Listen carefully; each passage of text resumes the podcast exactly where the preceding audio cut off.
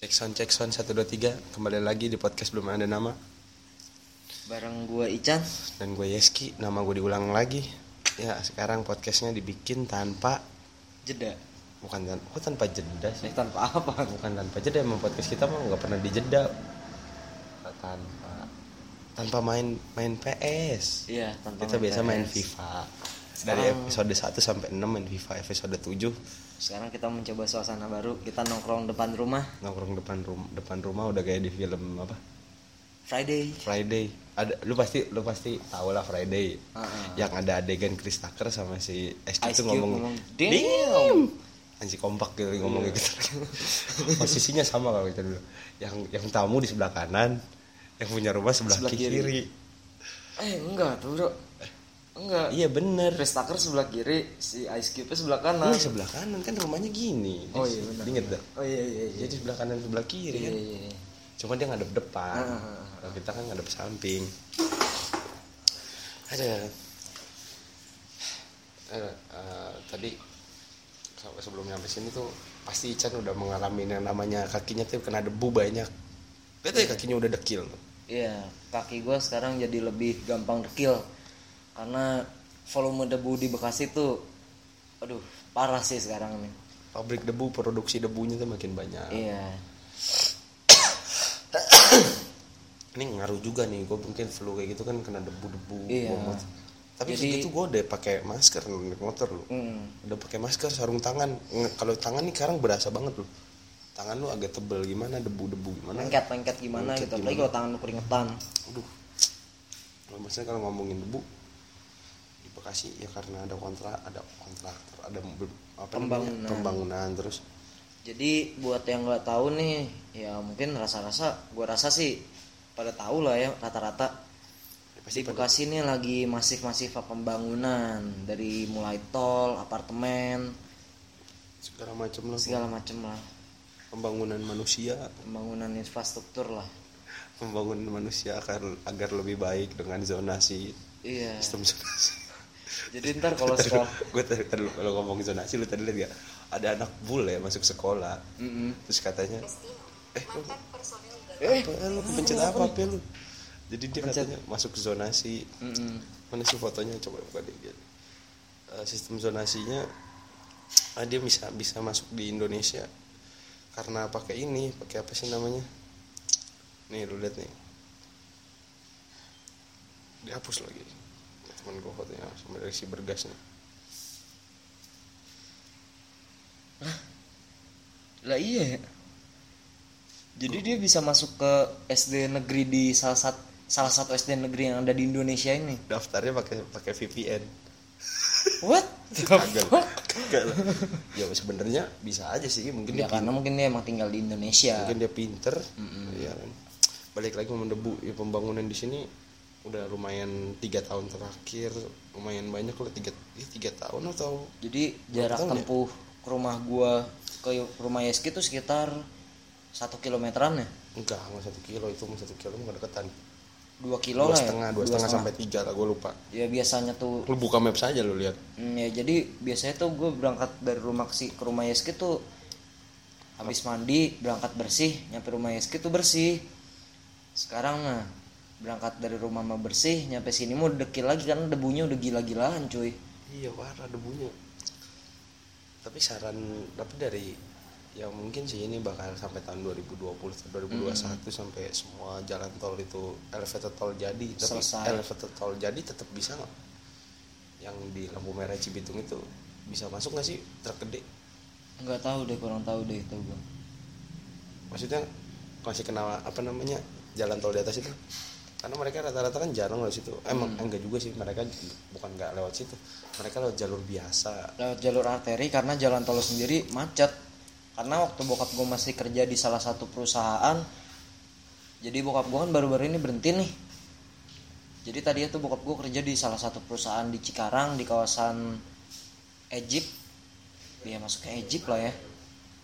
Kawasan Egypt. Nah terus pulang tuh biasanya sejam tuh nyampe kalau lewat jalur arteri.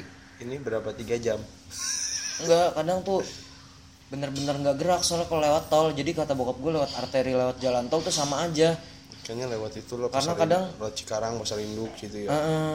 kadang kalau lewat tol tuh jalurnya ya satu bisa jadi bisa nyampe satu dibagi dua karena lagi ada pembangunan. I- iya bener. Ya kalau ngomongin truk juga kadang truk ke jalan- jalan-jalan yang dua arah gitu yang jalan kecil lah istilahnya kalau jalan lu masuk perumahan lah kan kan truk jalannya gede terus lama bikin Iya. macet.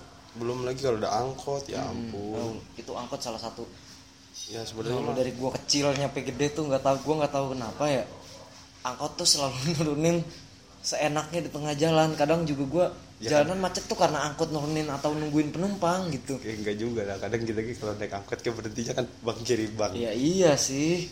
Nggak ada nggak ada halte di, di daerah sini nggak ada halte kan depan depan sini ya nggak tahu. Mungkin gue tidak merasakan itu karena gue salah satu orang yang jarang menggunakan angkot bukannya gimana bro.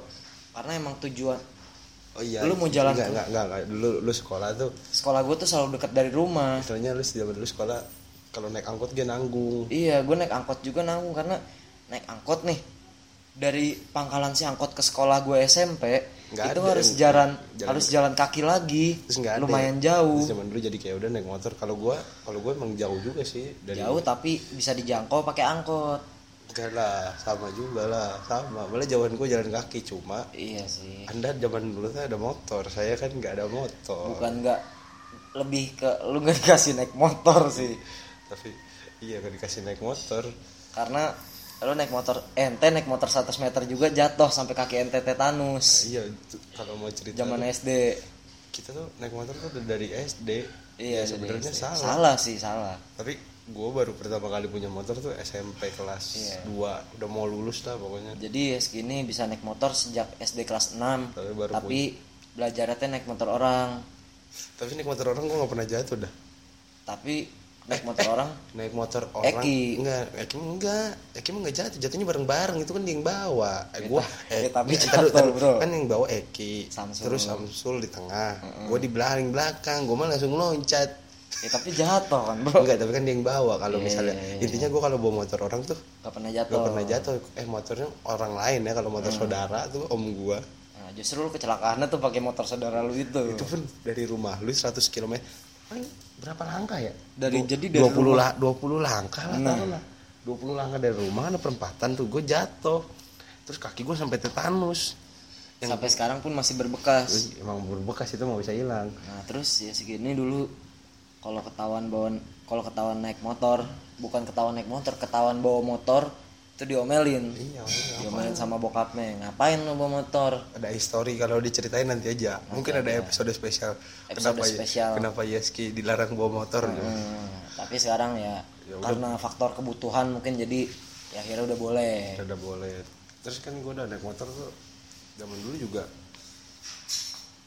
Terus kayaknya zaman kita SM zaman kita SMP gitu ya motornya maksudnya nggak dianeh-anehin gitu ya anak-anak umuran kita tuh aku sih ada ada jam cuman maksudnya paling ya Nggak ganti sih. ganti knalpot cycle kita mah nggak pernah di ngane-nganehin motor, Iya tapi sih. cycle yang di circle lain tuh motor dianeh-anehin. Kita Kayak mau motor, bannya tuh kalau kata orang mah ban cacing kita ulang motor gue tuh, mana ada stikernya motor lu gitu?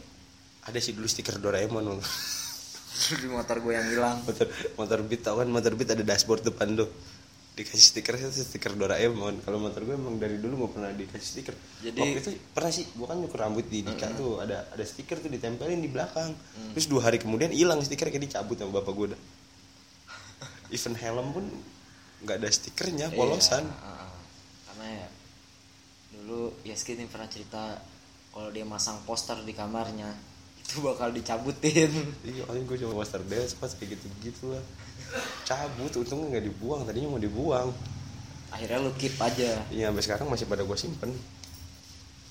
Emang kalau ditanya kamar gue gimana atau ya emang kagak Nggak ada sih- apa-apanya. gua sebenarnya kan anak band suka musik gitu. Pasti anak-anak gitu kayak mikir kayak eh, wah ini sama SD gelap. Padahal mah enggak. Kalau lu temen sekolah gue mah tahu pasti yang pernah bikin film gitu kasurnya kasur biak kasur di kamar gue tuh udah kasur doang udah kasur jadi bener-bener lu masuk ke kamar tuh isinya cuma lemari sama kasur Enggak, lemari enggak ada gue bilang. Lemari kan ada ada ada tempat di rumah gue khusus lemari, pokoknya lemari gua, de gua, campur campur pokoknya udah situ lemari. Jadi cuma kasur doang udah lu tidur. Plok udah tidur. juga kasurnya ceper Iya, itu kayak udah tidur.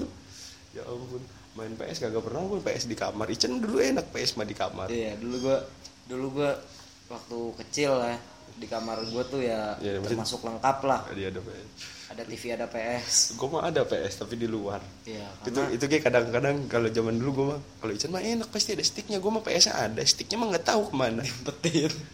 Ya enggak karena kalau lu kan maksudnya dibeliin PS untuk bersama karena kan Iya. lu kan berapa lu lima bersaudara. Empat, empat aku banyak banget. Iya lima. Karena ya segini kan empat bersaudara jadi mungkin dibeliin PS untuk bareng-bareng Iya nah kalau gua kan dulu kakak gua mah udah gede. Makanya Jadi- kagak mungkin main PS udah gede. Kalau umur gue gua sama kakak gua kan bedanya enam tahun. Jadi ya udah gitu kakak gua juga cewek. Makanya dibeliin PS ya khusus buat gua. Ada ada gue main GTA aja cewek. Angel main GTA ya kan masih bocah bro. Pukul-pukulin orang. Ya namanya bocah bro. Tapi emang bener sih gue dulu pernah satu pernah tuh ada ada momen di mana eh, apa namanya PS itu ditaruh di kamar Chan kalau lu tahu. Itu sekitar SMK kelas 1 kelas 2 gue lupa deh. Hmm. taruh di kamar. Dulu masih pakai TV tabung tuh gue main PS3 pakai TV tabung. Tapi karena satu converter lagi ya? Enggak pakai kabel yang tiga itu tetap oh kalau PS3 itu bukannya iya emang ada yang HDMI tapi gue dulu pertama kali beli PS3 tuh masih yang tiga itu. Nah terus oh jadi yang oh soalnya lu beli PS3 yang generasi awal-awal sih ya? Iya, terus eh, kalau mau beli HDMI jadi beli pisah lagi. Habis ya air Chan. oh iya, eh, oh iya lagi. Nah terus si PS itu nggak apa ya namanya? Tiba-tiba bapak gue bilang gini, udah nih tuh TV LCD-nya main PS aja di TV LCD. Ya udah jadinya PS-nya dikeluarin lagi. Gak jadi masuk di kamar. Emang dulu waktu di kamar tuh gue masih sering nyolong-nyolong jam jam 2 itu jam 1, jam 12 pokoknya jam malam lah gue main PS.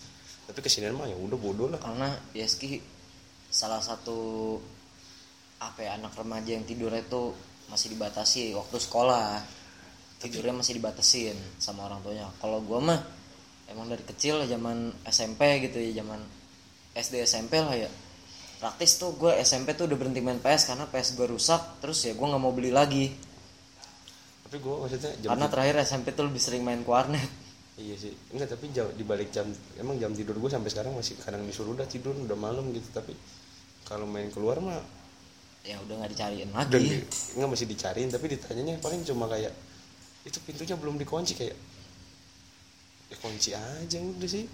Ntar pulang tinggal ngetok. Iya tinggal nget ya paling kalau misalnya orang dalam gak ada yang bangun gue tidur di luar. Nah iya itu itu gue pernah ada momen zaman dulu kan zaman SMP tuh kita sering nongkrong di insert ya. Nongkrong di insert sampai malam gitu gue sampai jam 3 event UN pun gue nongkrong di insert gitu Jadi- insert insert itu toko toko distro lah distro band jadi distro buat band. yang nggak tahu insert itu Insert Rock, itu nama toko lengkapnya tuh insert rock house. Jadi di situ tuh menjual kebutuhan-kebutuhan untuk para pecinta musik lah. Ya gue nongkrong di situ lah. Local music needs. Dulu ya awal-awal paling jam 10 gitu lama-lama. Wah. Lama-lama. Nongkrong di insert tuh zaman ya nongkrong pertama mah cuma dikit. Kayak cuman satu tongkrongan tuh cuma tiga orang empat orang. Makin lama makin na- kenal orang makin kenal teman banyak makin malam tuh kadang nyampe jam pernah nyampe jam 3 iya bener ya, ya. sebenarnya mah niatnya jam 11 pengen bubar. Gua kayak ah udah jam 11 nih. Eh udah ntar baru jam 11 jam 12 ntar baru jam 12 bablas nyampe jam 3 dan maksudnya orang sekitarnya juga nggak ada yang negor karena emang nongkrongnya nggak aneh-aneh juga. Ngobrolin rata-rata hal-hal lucu musik Iya, film hal lucu musik tawa-tawa doang. Film yang lucu-lucu lah. Hmm. terus gue nong apa namanya lama-lama ya udahlah event gue ditelepon kayak gitu kadang gue keselnya kayak gue bilang ditelepon kayak diteleponnya marah-marah pas sampai rumah kayak kenapa? Nggak ada apa-apa. Nggak ada apa-apa udah. Nah pulang kalau- aja gitu tapi kayak gue iya iya nah kalau ya segitu jam tiduran dibatesin nah kalau gue jam malamnya. Iya Ican dulu sampai jam Jadi, 9 terus gue tapi tuh dulu jam 9 karena rebel anaknya makin lama makin jam makin naik jam 10 jam 10 jam 11 dari jam 11 lama-lama ya udah nyampe almarhum nyokap gue tuh bilang ya Gi, Gi, kalau kasarnya deh ya Gi dah lu mau main-main dah. Tapi wayanya pulang lu inget pulang. Istrinya main yang penting pulang. Main-main tapi inget pulang gitu bro. Ya tadi hanya ngomongin debu sampai ngomongin kita zaman zaman dulu nongkrong masih SMP gitu. Ya sharing aja. Hmm. nah terus ini cara mengatasi gua kalau misalnya naik motor itu kenapa? Kadang suka bilang lu naik motor gaya banget pakai sepatu. Gua mah bukan gaya nih kalau gua ngila- ngatasin debu ya. Ngatasin debu sama kelindes mo kelindes mobil apa motor. Kaki gue pernah kelindes soalnya. Karena pengendara ini ini apa ya apa ya fakta unik aja gitu ya. Jadi almarhum nyokap gue tuh kelingkingnya kelingkingnya tuh diamputasi bro. Gara-gara kelindes mobil. Naik motor? Naik motor jadi itu pas banget kejadiannya. Gue pulang dari Cikarang dari rumah saudara gue berdua sama nyokap gue kondisinya kan waktu itu mobil dibawa bokap gue kerja. Jadi malu yang bawa waktu itu ya? Iya karena gue masih SD Itu kelas ini- 6 ya?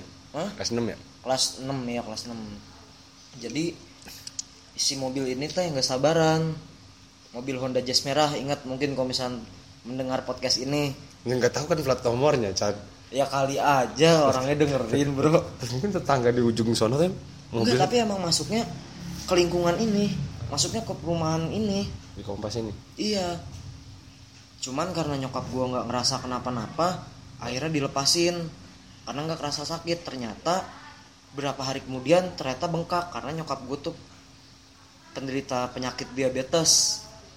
Jadi tadi lagi ngomongin pakai sepatu lagi ngomongin orang almarhum mama Ican dah Eh, tiba-tiba potong potong podcastnya force close Force close ini ya. rekamnya rekamnya udah lanjutin deh tadi lanjutin dari cerita lu apa?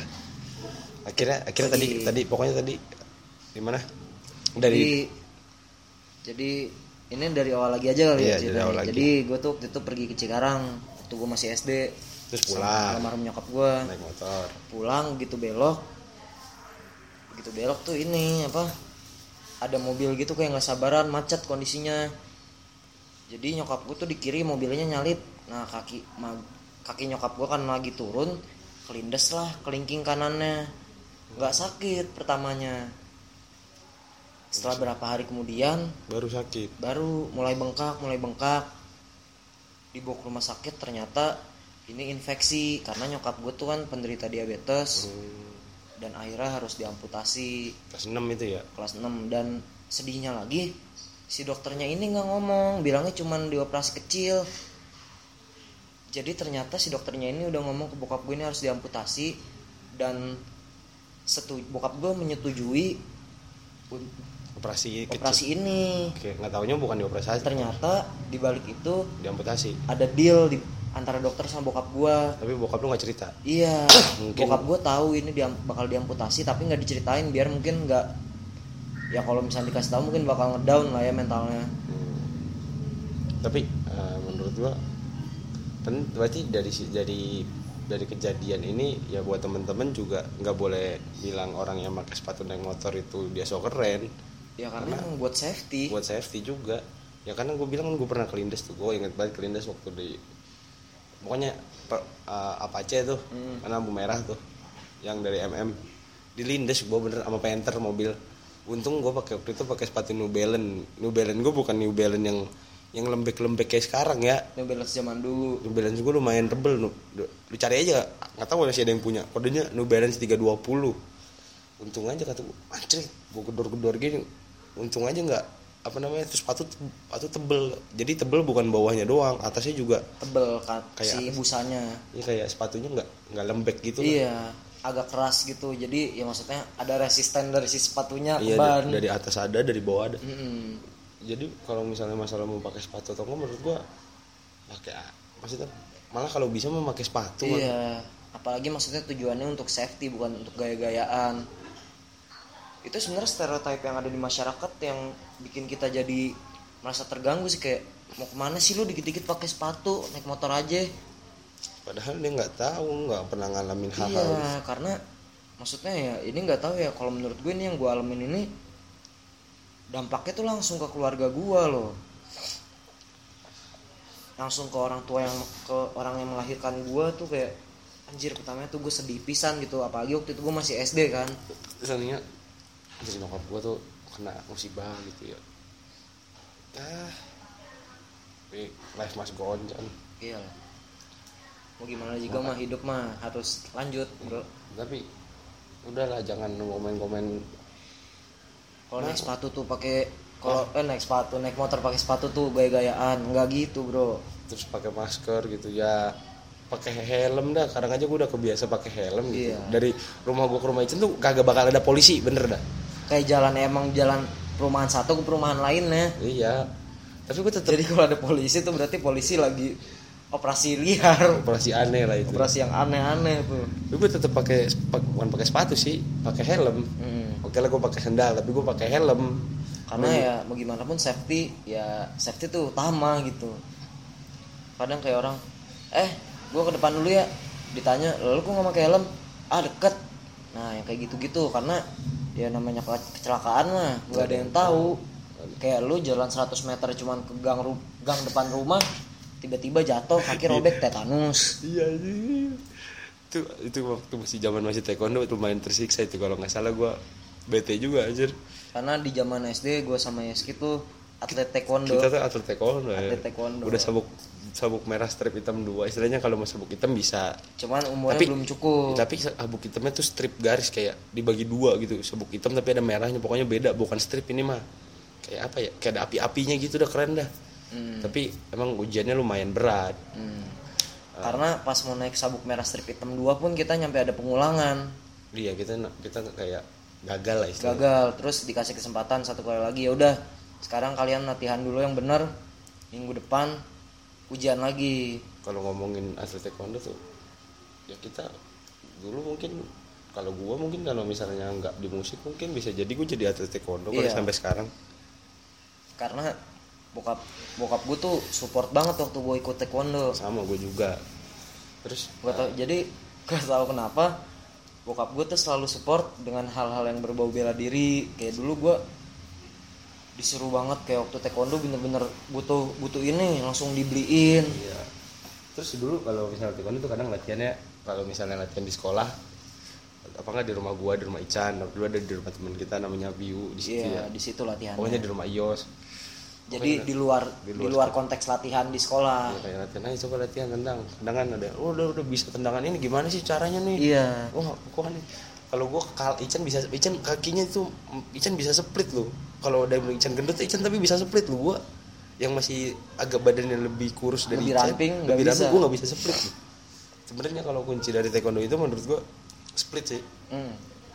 Karena ya mau gimana juga yang gerak pasti kaki, lebih banyak dominan ke kaki. Iya. Tapi gua mensiasati split gua yang nggak bisa itu kelenturan kalau misalnya fight ya pakai power udah gua. Hmm. Karena ya segini kalau kata kalau di taekwondo kan nye- nyebut gurunya itu kan se- ini sabem. Jadi kalau kata sabem gue tuh sabem moji. Kalau ya skill lagi nendang target atau lagi ngapain ngelakuin gerakan taekwondo, Kaku. badan lu kaku amat ke triplek. Ya, emang kaku. Memang kaku ya sih badannya kaku. Nah gua biarpun badan gua gede, tapi Masih agak eh gua nggak ngerti dah mungkin karena gua salah kan kecil lah bagaimana. kurang dijemur. Tapi si Neski si Neski badannya lentur loh. Cuma- Ada gua gua Nah, doang. mungkin lu kurang gerak kali bro. Dia. Ya tapi itu mah cerita lumayan lah. Nah itu masa lalu lah. Cuman Tapi tapi gua kalau disuruh taekwondo lagi gue cuma cuma mad- cuma tak apa madet di splitnya doang gue aja nyium lutut Gua- aja nggak bisa gue Ican bisa gue yakin gue lutut masih bisa nyium lutut. gue nyium lutut kagak bisa nih yang kaki lurus terus nyium lutut itu gue nggak bener-bener gak bisa kalau letter letter G masih bisa letter L Gue masih gue masih bisa karena kalau kadang nih kalau gue sebelum tidur tuh gue selalu melakukan pemanasan. es Coba nih bro, lu mau tidur pemanasan dulu, stretching, pasti tidurnya nyenyak. Karena aliran darah lebih lancar bro. nah, tuh ada info dari Ican tuh Nggak tahu gue ngerasanya sih gitu ya. Nggak tahu nih kalau orang lain. tapi Ican Ican Ican dulu baru berapa kali ikut kejuaraan satu ya Nggak gue cuman sekali terus langsung cabut karena emang gue di taekwondo nggak banyak ini. Gue lebih ke gerakan tegeknya. tapi Ican maksudnya sama gue lumayan satu orang kalau gue berapa Bukan lumayan satu angkatan emang satu Iya, angkatan kalau- bro. tapi lebih sering gue yang ikut kejuaraan sih Iya, karena gue ikut kejuaraan karena gue nggak begitu tertarik. gue ikut kejuaraan berapa kali lebih lah dari tiga kali dan Lebih. maksudnya kalaupun gue menang itu pun nggak menang poin menangnya? Menang KO. menang KO Ya karena ya kayak dibilang tadi nggak ngandelin gerakan lebih ngandelin power. tapi gue kadang suka kasihan waktu itu ada yang pelipisnya robek gitu. Aduh Itu sama Ios ya robeknya. enggak yang gue ada. Waktu itu di Tanjung Priok. Kalau Ios mah ada yang benar musuhnya. Ada yang robek lah Iya, apa jadi- pingsan lah. jadi gue punya punya tahu nih Yos denger ini nggak? Iya jadi gue tuh punya teman satu perguruan lah ibaratkan namanya Ios dia tuh kakak kelas gue di atas di atas gue setahun ya tapi temen gue kecil juga lah Iya teman kecil ya Temen dia main. sekolah. Cuman kalau di sekolah dia satu tahun di atas gua sama Yeski. Waktu dia kalau waktu zaman taekwondo dulu dia mah nggak nggak nggak sangar orangnya orangnya mah ya biasa aja, Lucu. tampangnya lucu. Lucu. Cuman maksudnya setiap dia ikut kejuaraan lawan yang ketemu dia nih pasti apes. cepret cepret aduh Kalau nggak pelipisnya pecah, kalau nggak ngap bocahnya sesak napas. Ya emang bocah ini beringas kalau lagi fight. iya kalau kalau lihat Yos dia kan mau peleng terus asalkan latihan kalau latihan pasti pagi-pagi ah berak dulu gue ya Iya. jadi pasti berak dulu dah Anaknya apa? ya? Petenteng anaknya tuh. Tek lucu Selengean. Yos Yos aduh tapi sangar sih si Yos mah gini lah ya gue maksudnya kalau nggak di musik bisa jadi mungkin kalau gue bisa split mungkin gue bakal nerusin taekwondo gue mungkin sampai sekarang. Karena dulu lu split nggak pernah bisa waktu pemanasan juga. Iya karena sabuk hitam itu syaratnya harus bisa split. Gue waktu itu bisa nggak sih split? Gue lupa. Di, maksudnya lu udah udah bentar lagi. Dikit lah udah emang udah nempel kalau nggak salah deh. Iya maksudnya udah bisa. Oh kalau split yang lurus bisa. Kalau yang kiri kanan nggak bisa. Tapi kan maksudnya yang penting udah bisa iya nanti udah kan nempel. Tinggal terus eh, selain split itu yang harus diperhatiin juga pinggang. Pinggang.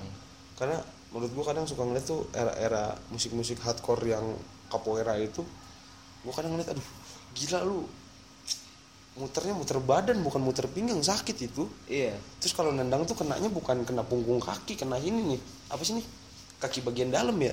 Iya. Jadi kalau tendangan yang muter itu eh, dulu namanya apa ya? Dolio cagi dolio apa ya? Dol ini apa? Dolke.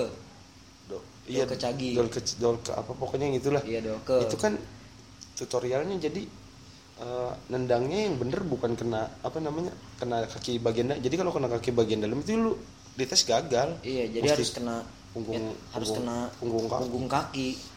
Lagian di mana-mana juga rata-rata tendangan yang kayak gitu di taekwondo tuh punggung kaki Mm-mm. kalau nggak punggung kaki kaki bagi apa ya ibarat kata Telapak kaki. ngepret lah ngepret iya telapak kaki apa nggak tumit Heeh. nah terus yang balik badan tuh dui hurigi dui hurigi gitu Dui gue manggil. hurigi.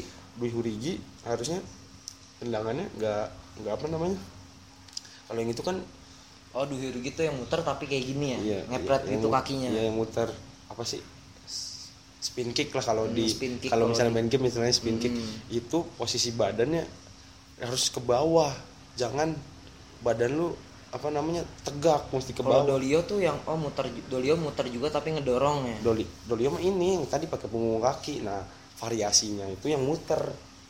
Kan Dolio gini doang. dolio oh kalau yang muter tuh dolke Iya. kalau yang dui hurigi tapi yang spin juga tapi ngedorong Dui cagi. dui cagi Kalau yang ngedorong dui. Nah, kalau itu mah bisa badan bisa ini.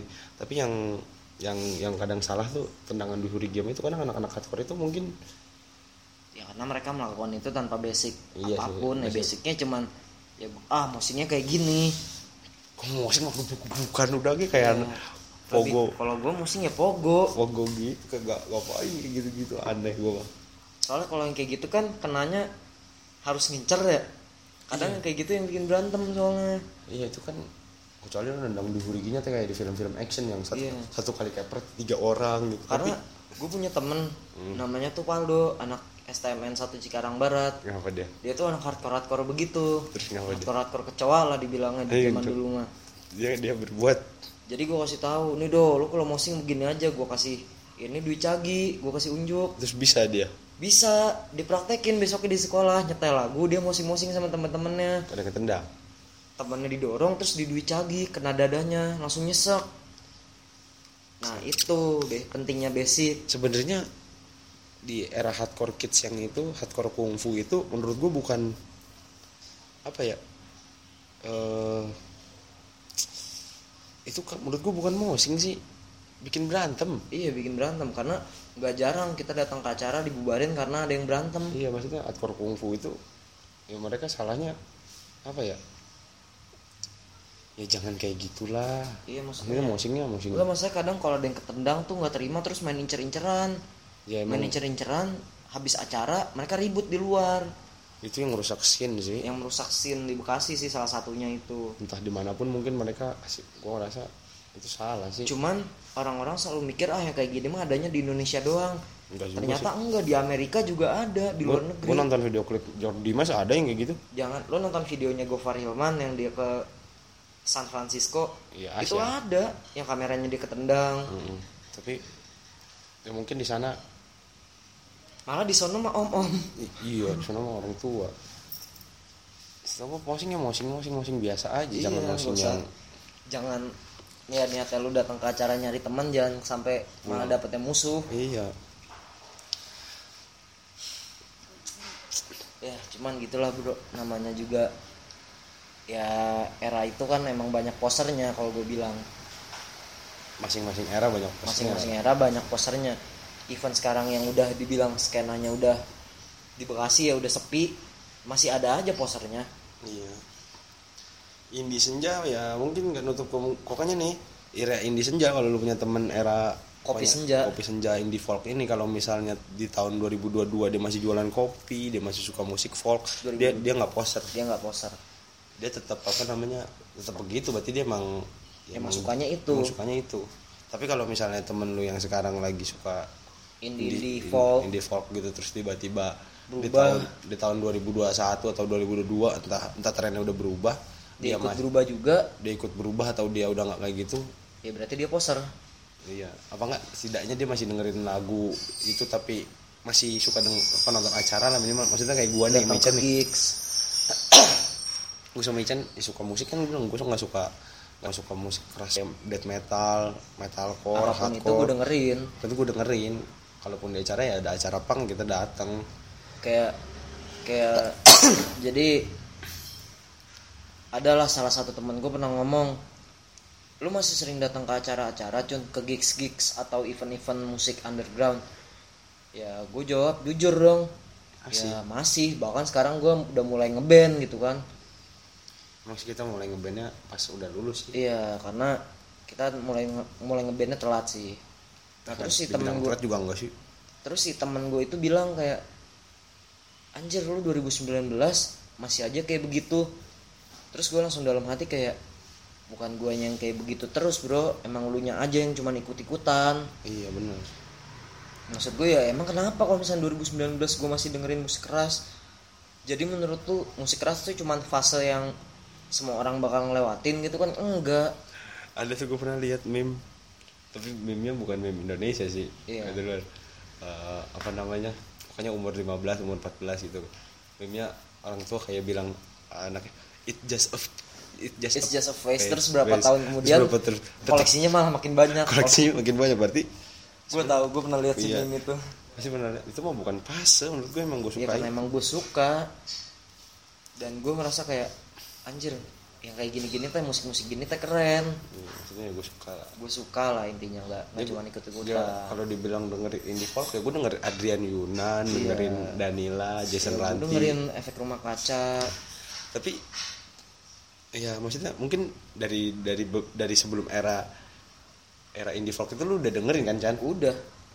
Karena kayak ya kayak misalnya ya pelopornya kan sebenarnya maksudnya yang bikin yang angkatnya kan payung teduh nggak nggak bisa bohong dong emang. Apalagi sejak akad keluar.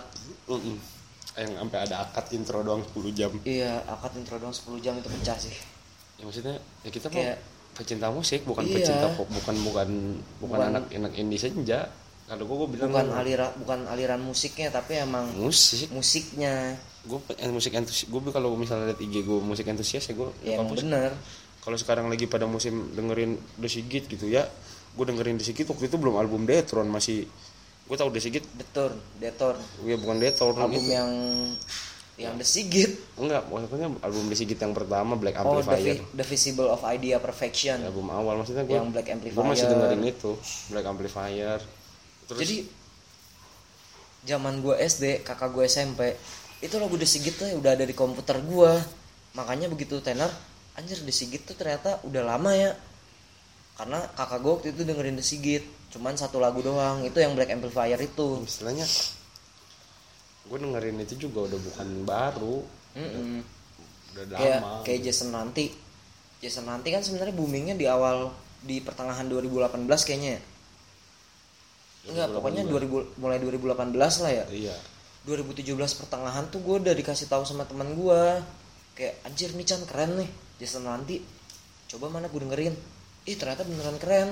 Terus? Jadi maksudnya begitu Jason Ranti booming terus orang-orang banyak yang kayak upload ngap ngeri upload videonya pas dia lagi manggung live.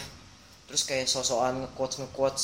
Dari Jason nanti. Dari Jason Ranti kayak anjir bro lu ke mana aja? 2017 mah gue udah dengerin itu. Lagunya yang ini bahaya PKI eh Iya. bahaya komunis. Bayang. Ya, maksudnya mereka yang kayak gitu ya nggak apa-apa sih. Yang maksudnya ya itu kan tandanya bukan bukan dia bukan si musisinya yang baru keluar. Lu lu nya aja yang baru pada tahu. Mm-mm. terus begitu tahu langsung kayak anjir gue teh paling tahu soal Jason Ranti yang kayak gitu-gitu tuh. ntar ya, ini ntar mati lagi lagi nih. Nggak kan? Eh, maksudnya kayak band kita lah. Band kita kita star band yang sekarang ini 2019 awal lah. Ya kalau misalnya kita orang banyak tahu di 2025 atau 2024 berarti ya wajar. Ya, ya, berarti ya mungkin emang mereka baru taunya pas 2024 iya pas hardcore booming lagi. Mungkin hardcore booming lagi apakah kita kalau ditanya Yeah. kalau ditanya band kita genrenya gue bilang hardcore tapi lu dengerin aja lah lagunya. Kalau mau minta lagunya DM Ican. Iya dan gua karena lagunya belum disebarluaskan. Lagunya belum dipublish. Ya sebenarnya kalau band kita ini kan sebenarnya ya tetap hardcore cuman ditambah-tambahin sedikit melodik misalnya ya bereksperimen dengan bereksperimen dengan musik lah. Apa ya? Yang gue bilang ya kalau dengerin sekarang BMTH BMTH kayak begitu terus Asking Alexandria jadi rock terus dengerin yang lain-lain lah beda berubah genrenya gitu. Ya berarti mereka udah melewati pendewasaan musik. Atau enggak yang mood mereka Ya, moodnya lagi moodnya lagi kayak ini al- Avenged Sevenfold begitu ya emang moodnya mereka bikin Iya. lagu udah kayak begitu. Ini si Trophy Ice. Iya jadi si Trophy Ice ini banyak dikritik sama netizen netizen cuman netizen luar gua ngeliatnya sih. Nah, kenapa? Ah albumnya Trophy Ice yang The, Amer- The American Dreams nih kurang enak.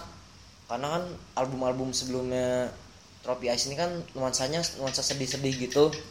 Nah begitu mereka ngeluarin The American Dream nih nuansanya tuh lebih ke musiknya tuh happy gitu pembawaannya. Ya itu mungkin maksudnya karena emang si Trophy Ice waktu bikin album The American Dreams mereka lagi senang aja. Iya atau mereka pengen bikin sesuatu yang baru. Jadi maksudnya lu juga nggak bisa nuntut mereka bikin lagu yang sedih-sedih mulu. Intinya mah moodnya begitu. Mm, moodnya. Ya terus kayak BMTH ada yang bilang ah BMTH sekarang nggak metal lagi nggak deathcore lagi nggak metalcore lagi. Ya berarti emang dia pengennya begitu. Edward Life. The world alive kalau emang lu suka sama musik kalau lu suka sama BMTH nya kayak gimana pun musiknya yang keluar pasti bakal didengerin.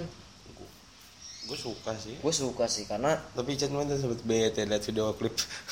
Sugar Honey Jadi BMTH tuh kemarin Nah iya nih BMTH juga kemarin baru ngeluarin video klip yang Sugar Honey Ice and Tea. Ya gue sih lagunya suka Karena gue dengerin juga album BMTH yang emo. Cuma video klipnya pusing sih gue nontonnya. Mau udah males sih emang gue ngeliatin lagi kayak anjirnya artsy banget tapi buat editing mah lumayan lah. Hmm. Editingnya keren lah segitunya mah. Ya gue tahu Karena kita juga belum tentu bisa ngedit kayak iya, gitu. kita belum tentu bisa ngedit kayak gitu. Intinya mah eh, bukan poser sebenarnya nyebut poser juga.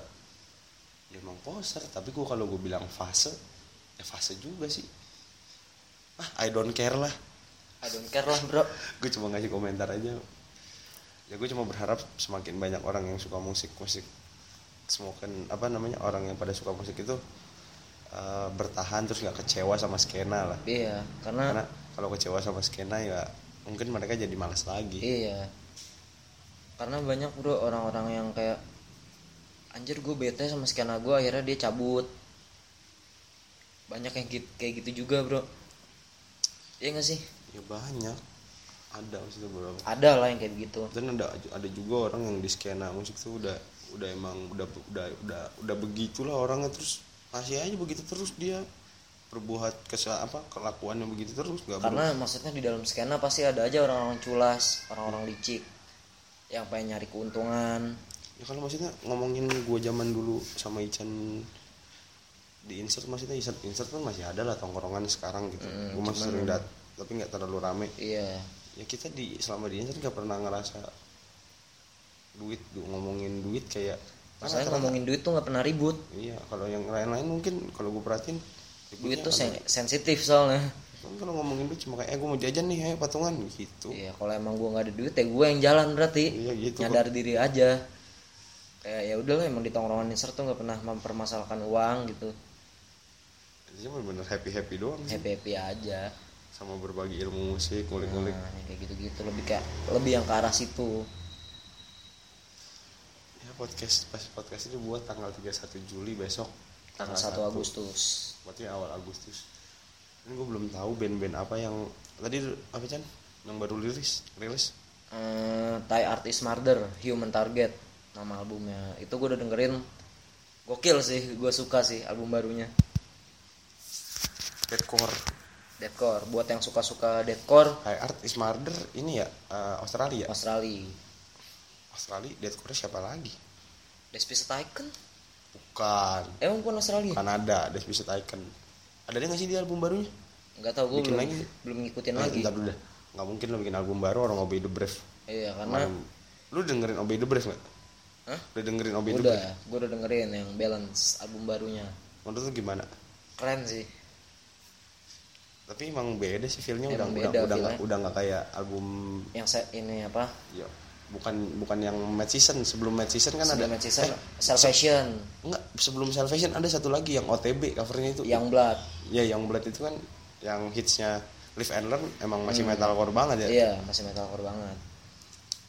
Ya namanya juga maksudnya mereka kan pasti pengen bikin sesuatu yang baru lah. Iya sih. Nggak mungkin mereka pengen gitu gitu tapi aja gue lah. bilang mereka juga melodic hardcore sih ya karena memang ada unsur-unsur melodiknya. Mm-mm. siapa nama vokalisnya? Alex Arian vokalisnya. Davis juga. Icon juga. Sebenarnya kalau gue baca di Wikipedia kalau lo buka deathcore di Wikipedia? Despicit Icon tuh salah satu pelopor. pelopornya deathcore. Despicit Icon udah lagi tuh apa? Despicit Icon annotation. Ya, annotation of an auto- autopsy. Annotation of an autopsy. Tahu nih pendengar podcast ini pada dengerin Iya. Terus ada lagi yang bikin deathcore booming tuh ya S Blue Trans Black. Pas albumnya dia yang gambar orang megang kapak tuh. Mm. yang In Dying Days albumnya. Gue ngerasanya kalau dengerin itu melodic death metal gue bilang.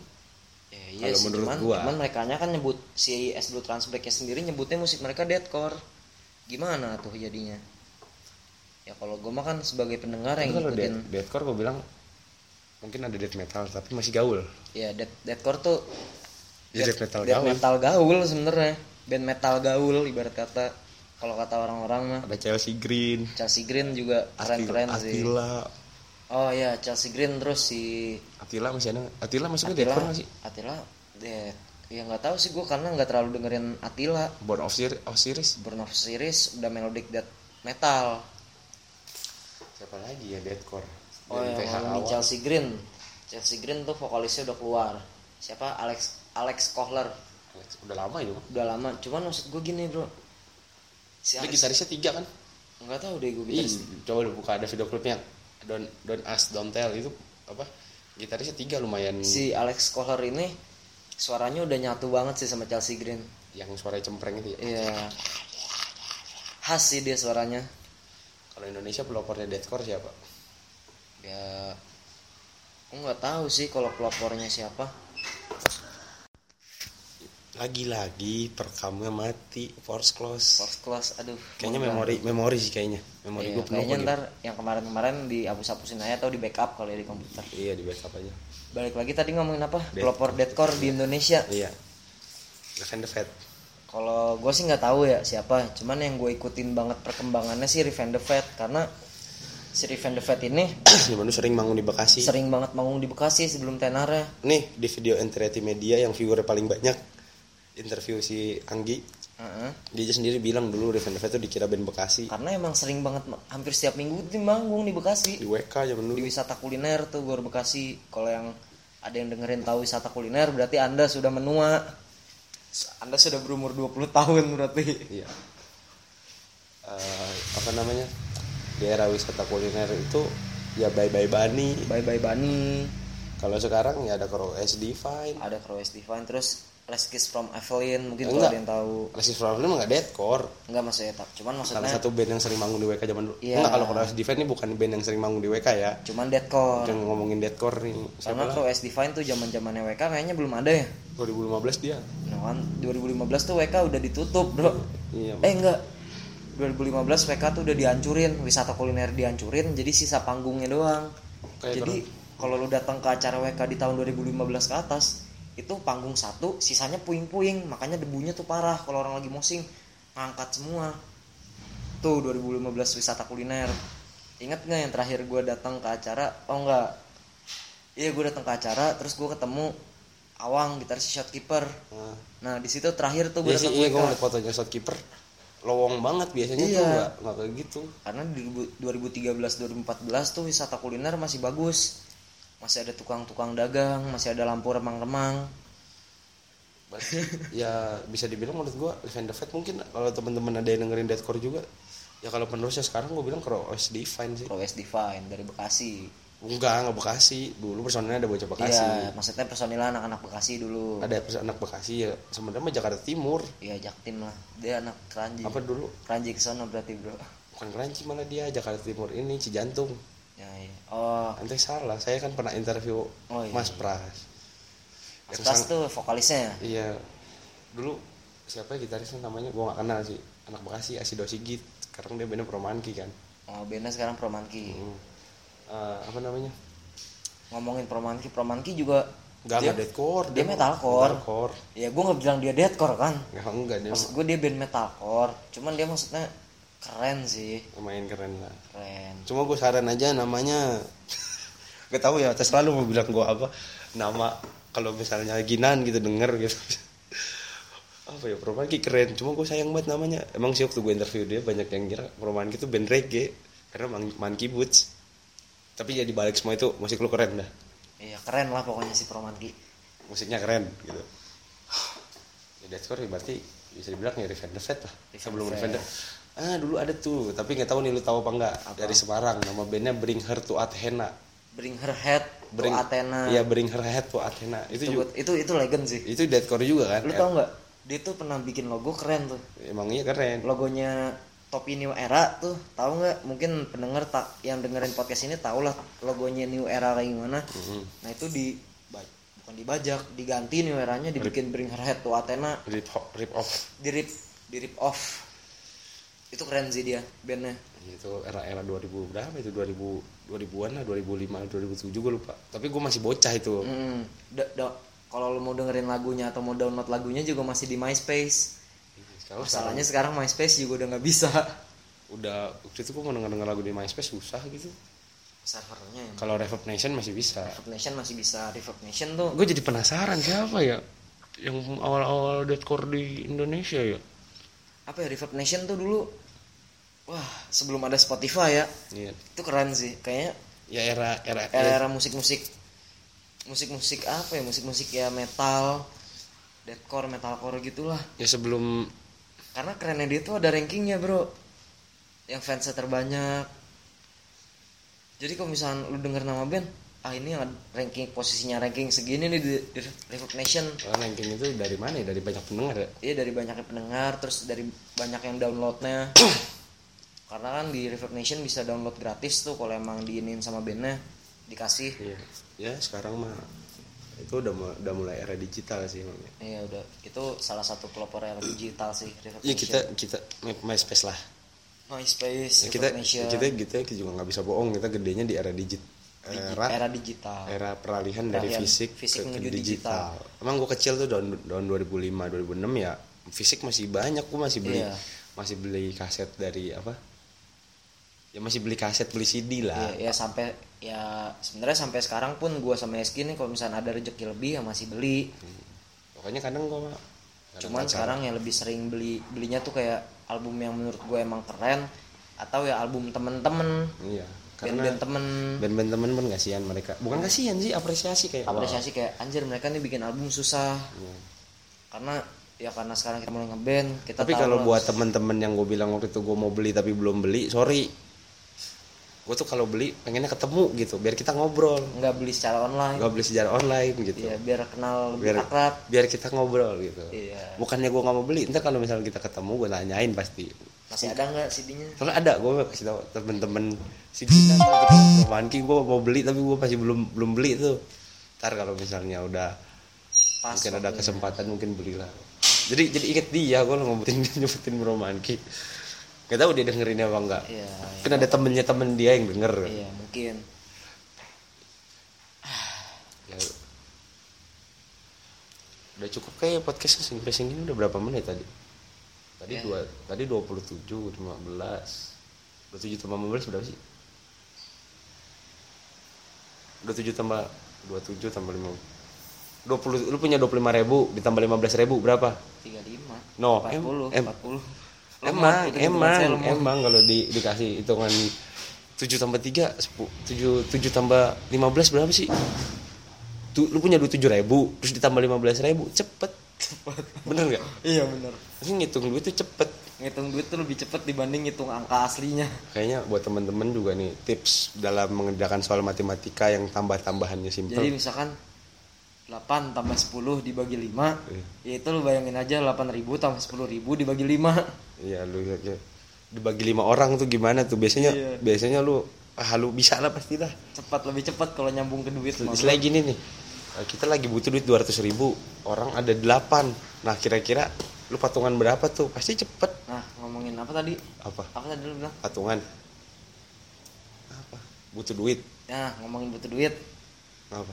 Kan pinjem biasanya minjem tuh. Iya pinjaman online. Belakangan ini lagi sering dibahas tuh bro di berita-berita. Ini gue tadi mau berhenti lagi sebenarnya pinjaman online tuh gue gue pernah gue pernah pinjam online. Tapi kebetulan aman safety.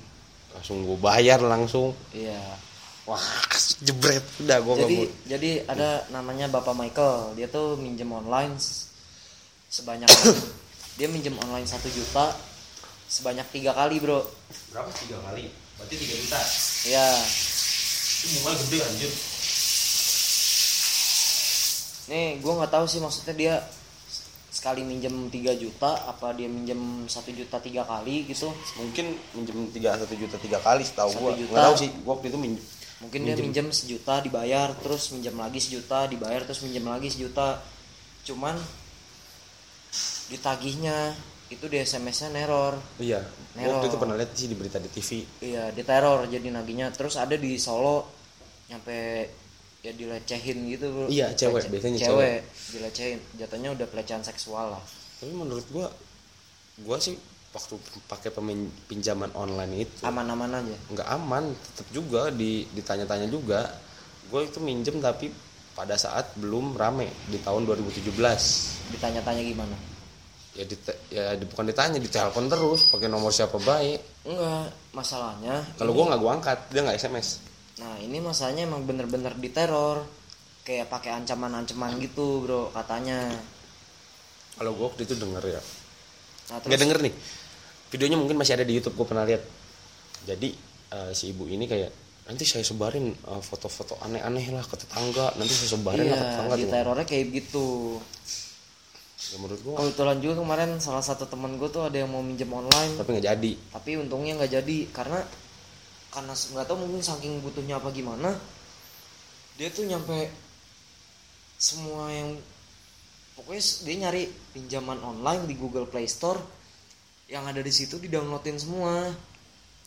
Kan banyak ya? Banyak. Nah masalahnya kan paling yang jelas nih ya penyedia jasa pinjaman online yang jelas tuh paling cuman aku laku Iya dulu gue minjemnya di di aku laku paling gitu-gitu kan yang jelas aku, maksudnya aku laku udah lumayan lama. Hmm, kredivo kredivo. Terus lagi ya? rupiah cepat. Nggak tahu tuh itu baru mungkin. Eh, itu juga buka lapak kalau nggak salah bisa deh. Bisa buka lapak juga. Kalau nggak salah ya. Dan maksudnya itu kan memang bener-bener harus ya lu harus punya ID pekerja. Iya punya emang bener-bener harus punya. Iya ketat lah seleksinya. Waktu itu gue bisa minjem ya karena waktu itu lagi lagi posisi bekerja kan lagi posisi karena lu kerja. masih bekerja waktu itu. Even sekarang gue lagi butuh gitu gue nggak mau minjem gue Iya karena anjir gue gue sih kalau minjem minjem uang orang kayak gitu takut kelilit bro. Kalau Iya. jumlah jumlahnya gede mah ya. Iya. Itu mah beda cerita kalau gue sama lu mah. Eh talangin dulu dong ceban sepuluh ribu ntar gue ganti. Meskipun gak gue ganti hari itu juga pasti ntar ke depannya mau bakal keganti Iya. kayak makannya lo ayo makan. Iya. nah kegantinya lewatnya kayak gitu-gitu kalau gue sama Yeski mah. Terus nih eh, kalau ngomongin itu ya jangan itu kan ngasih data ya. Iya. jangan. Nanti Jangan lu nanti, sembarangan nanti lah. lu bisa bisa ke mana aja. Iya karena si teman gue ini kan masukin nomor gue sama nomor Yeski di nomor darurat. Mm-mm. di kolom nomor darurat. Sampai sekarang pun nggak tahu nih kalau Yeski kalau gue sih masih sering dapat SMS kayak dapatkan pinjaman dana oh gua mau macem. gua mau udah sering. Tapi gua mah kan gua diemin aja. Iya kadang malah masuk gua hapus masuk gua hapus. Iya gitu ya sebenarnya kalau lu mau minjem online itu lu udah bisa perkirain lah. Ini, ini sih gengsi, jangan gengsi. iya. Kalau gue zaman dulu tuh minjem online tuh bukan buat beli barang emang. Wah. Gali lubang tutup lubang. Ada ada cerita yang ada kebutuhan lah intinya. Iya gitu. Yang kan. harus banget ditutupin. Iya kebutuhan intinya. Susah juga sih ngejelasinnya juga. karena pinjaman online kan ini ya harus mengajukan data yang ada di KTP kayak maksud gue kalau gue sendiri sih pribadi lebih mending minjem ke orang yang gue percaya. Iya. kayak gue misalnya butuh apa nih? Ya, ke uang gua lah. minjem ke Yeski mending kayak gitu. Karena kalaupun gue bayar lambat masih bisa diomongin. Gue juga ngerti aja istilahnya kalau misalnya Ican tuh. Gue sama aja kalau gitu gue jahat sama orang orang yang lagi susah kalau bilang kemarin Ican, iya. Iya kayak maksudnya kalau yang kemarin Jan apa? Yang kemarin. Ke 2000 ada enggak jadi gue pergi sama Ican istilahnya Ican yang bawa motor gue terus dia sok-sokan gini. Ki gue minjem 2000 dong. Ki gue minjem 2000 gue masalahnya dalam sejarah gue berteman sama Yeski kalau udah ada yang ngomong gue minjem 2000 dong itu artinya ya udah berarti udah gue bagi 2000 bukan ikhlas. minjem. Ya gue sebelah sendiri gitu kayak eh, gimana ya? Ibarat kan masih aja ngomongnya kayak gitu. Iya ibarat masih aja kayak gitu. Terus gue bilang kalau gue minta tuh ibaratkan gue sama apa ya ada orang yang maaf maaf gitu lebih susah gitu. Terus gue tagih gitu. Hmm. bang bagi duit eh, misalkan ya maaf nih ada pengemis minta gue minta eh, dia minta duit ke gue bilang minjem. Terus besoknya gue ngeliat dia terus gue kayak eh duit gue mana 2000 Hmm. kan kayak ini ini apa konfirmasi Yeski ngomong gini bukan karena gue pengemis cuman Iya, gue di gua di Bekasi ini sekarang hidup sendiri Iya, bukan- jadi bokap gue kerja di Purwakarta kakak gue tugas di Jawa Timur makanya di sini gue stay sendiri Chan sedang meniti karir di ternak lele dan promosikan band. Nah. Tapi gue bukan bilang dia pengemis, contohnya Enggak. gitu. Atau atau jangan pengemis. karena ada beberapa waktu kayak ya gue lagi susah aja Iya. gitu Ya gue juga maksudnya sekarang nih posisi duit gue lagi nol nih hari ini nih. Lagi sok, lagi kering. Lagi bener nol nih pas bikin podcast ini nih. Tapi ya udah hidup mah happy way. iya happy Eh, way hidup. apa namanya? Tadi gue bilang eh enggak deh jangan pengemis deh. Gini deh. orang lagi susah lah bukan orang susah deh Eh, ada lu ada abang-abang langganan depan rumah lu nih biasa biasa apa namanya dia belum ngasih kembalian seribu kecuali ini urgent ya Seribu istilahnya. Tapi lu Iya. tapi kesian deh abang itu dia jual dia jualannya. Jualan bubur misalkan jualan apa dia Kayak dia kembaliannya nggak ada. Kembaliannya nggak ada ya udah bang besok aja kalau nggak buat abang aja. Iya kayak ya ampun lu cuy. Kayak kayak gue Iya. mah bukannya gimana kayak grab Bukan. nih misalnya gue naik gue pernah waktu itu naik grab dari sekolah gue ya iya ya itu bisa jadi contoh. Gue ngurus ngurus ngurus apa sih waktu itu ngurus ngurus berkas lah di sekolah setelah baru barunya lulus. Berangkatnya sih sama bokap gue diturunin di drop.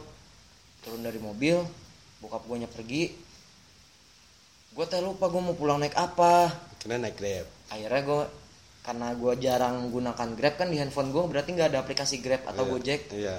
Ya akhirnya gue download dulu barulah gue order. Santai kalau cerita tuh sampai lengkap gue waktu itu ke rumah eh ke rumah saudara gue di Cikarang ya sama maksudnya mak biar gue biar nggak ada salah persepsi aja bro. Kalau misalnya ada orang di sebelahnya gitu bisa disebutin itu kalau dia inget ya udah Jadi udah. akhirnya gue order grab terus gue jalan.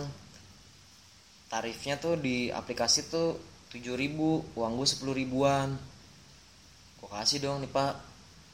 Kembaliannya enggak jadi dia tuh di jalan cerita anaknya tuh habis apa ya baru masuk sekolah gitu terus dianya juga baru masuk sekolah terus kena masalah apa gitu si anaknya tuh. Ya mungkin si bapak-bapak grabnya dengerin podcast ini kan nggak tahu juga bro. Iya. Pak saya waktu itu ngasih uang lebih 2000 bukan bukan gitu bro. Jadi tarif 7000 dibilang yang nggak ada kembaliannya. Ya udah akhirnya gue kasih aja. Cuman maksud gue gini kayak anjir apalagi tuh orang-orang kadang yang naik grab naik uber. Zaman dulu masih ada uber kan promonya gila. Termasuk lu dulu kan juga pernah nguber bro. Iya gue udah ngubur kadang orang tuh kayak nih, gue pernah ada 3000 dibayar pakai gopean gopean 6 atau gue mah nggak protes. Kadang tuh kayak lu udah bayar make ini bayarnya make promo udah semurah itu Hmm. cuman kembalian seribu lu permasalahin tuh gimana gitu Emang sih kadang kalau gue suka mikir gini, oh mungkin dia lagi susah, gue juga Iya, nggak susah. gitu. Cuma kalau lu lagi nggak susah ya, ya maksudnya. tolongin lah Iya, kadang kan gue lihat ada orang cuma gara-gara kembalian seribu doang, abangnya disuspend. Mm-mm. Cuy, cuman perkara kembalian lu tega banget istilahnya. lu cuman perkara kembalian seribu perak lu matiin rezeki orang Iya, nah gitulah kurang lebih ya, jangan lah yang kayak gitu gitu mah jangan lah adalah. Ya udah di akhir nih. Berarti inti dari podcast ini adalah semoga pembangunan di Bekasi maju. maju dan udah kontainer-kontainer itu nggak apa-apa lah sekarang banyak debu tapi ke depannya maju semoga menghasilkan kebaikan. Kita mah rela gitu. Iya, I terus don't care lah. I don't care lah. I don't care. terus eh, tadi kalau misalnya ada yang pakai sepatu naik motor atau Ya, pakai helm gitu jangan dibilang gaya-gaya, jangan itu dibilang mah gaya, safety. safety. Ya mungkin lu ngeliatnya dia gaya tapi itu safety. Terus tadi ngomongin apa? Ya lagu. Ngomongin deadcore sih tadi kalau lagu ya. Nggak nggak cukup banyak ngomongin deadcore deadcore pelopornya mungkin di Indonesia Event the Fat lah ya. Ya mungkin yang yang gue tahu nih Yang yang, gue tahu. Event the Fat. Terus pinjaman online ya kalau bisa jangan. Apalagi pinjam yang pinjaman nggak jelas. Iya pinj- lu butuh pinjaman online tapi buat beli iPhone gitu. Aduh. Ngapain bro jangan deh kecuali lain ceritanya kalau kredit Iya. kayak aku laku event kredit pun kalau bisa Jangan bisa mendingan lu kredit kayak di counter HP ada. Iya. Soalnya sekarang udah banyak tuh counter HP yang ini Nggak, bisa kredit. kalau gitu malah menurut gue jangan kredit beli HP-nya yang bisa lu mampu aja Iya sih, kayak ya udah kalau misalnya lu mampunya beli Asus, ya belinya Asus aja, beli usah Xiaomi Xiaomi aja Xiaomi aja nggak apa-apa. Soalnya di saat lu udah memaksakan, ya berarti hidup lu udah nggak ya nggak real, ya udah Iya. fake aja udah. ya terus jangan pelit lah sama orang maksudnya tolong sesama lah gitu yang masalah kembalian gitu Mm-mm. Ya, sudahlah terima kasih sudah dengar podcast kali ini podcast yang lumayan paus-paus gitu ya. berarti gue edit dulu nih Iya. saya akan mengeluarkan skill editing saya lagi Yang pas-pasan itu. yang pas mungkin nanti podcast ini bakalan beberapa semuanya gue upload di YouTube kayaknya Iya, dari episode 1 sampai yang terbaru ini yang lagi kita record mungkin bakal dimasukin ke YouTube. Hmm, di channel di channel gue tapi. Ya di channel Fernando Yeski yang ada video gaming. Ya video gaming. Jelas. Ya video gaming gak jadi lah. Video game udah terima video kasih. gaming gagal. Terima kasih udah dengar podcast ini. Jangan lupa yang mau follow IG bisa di mana bro? Time in not bad. Sama kalau di gue ya cari aja lah Ican Halomuan nanti juga ketemu. Ganti lagi bye Icen nih username-nya udah. Udah bye sampai bye jumpa di podcast podcast belum ada nama selanjutnya. I bye don't care lah. I don't care lah bro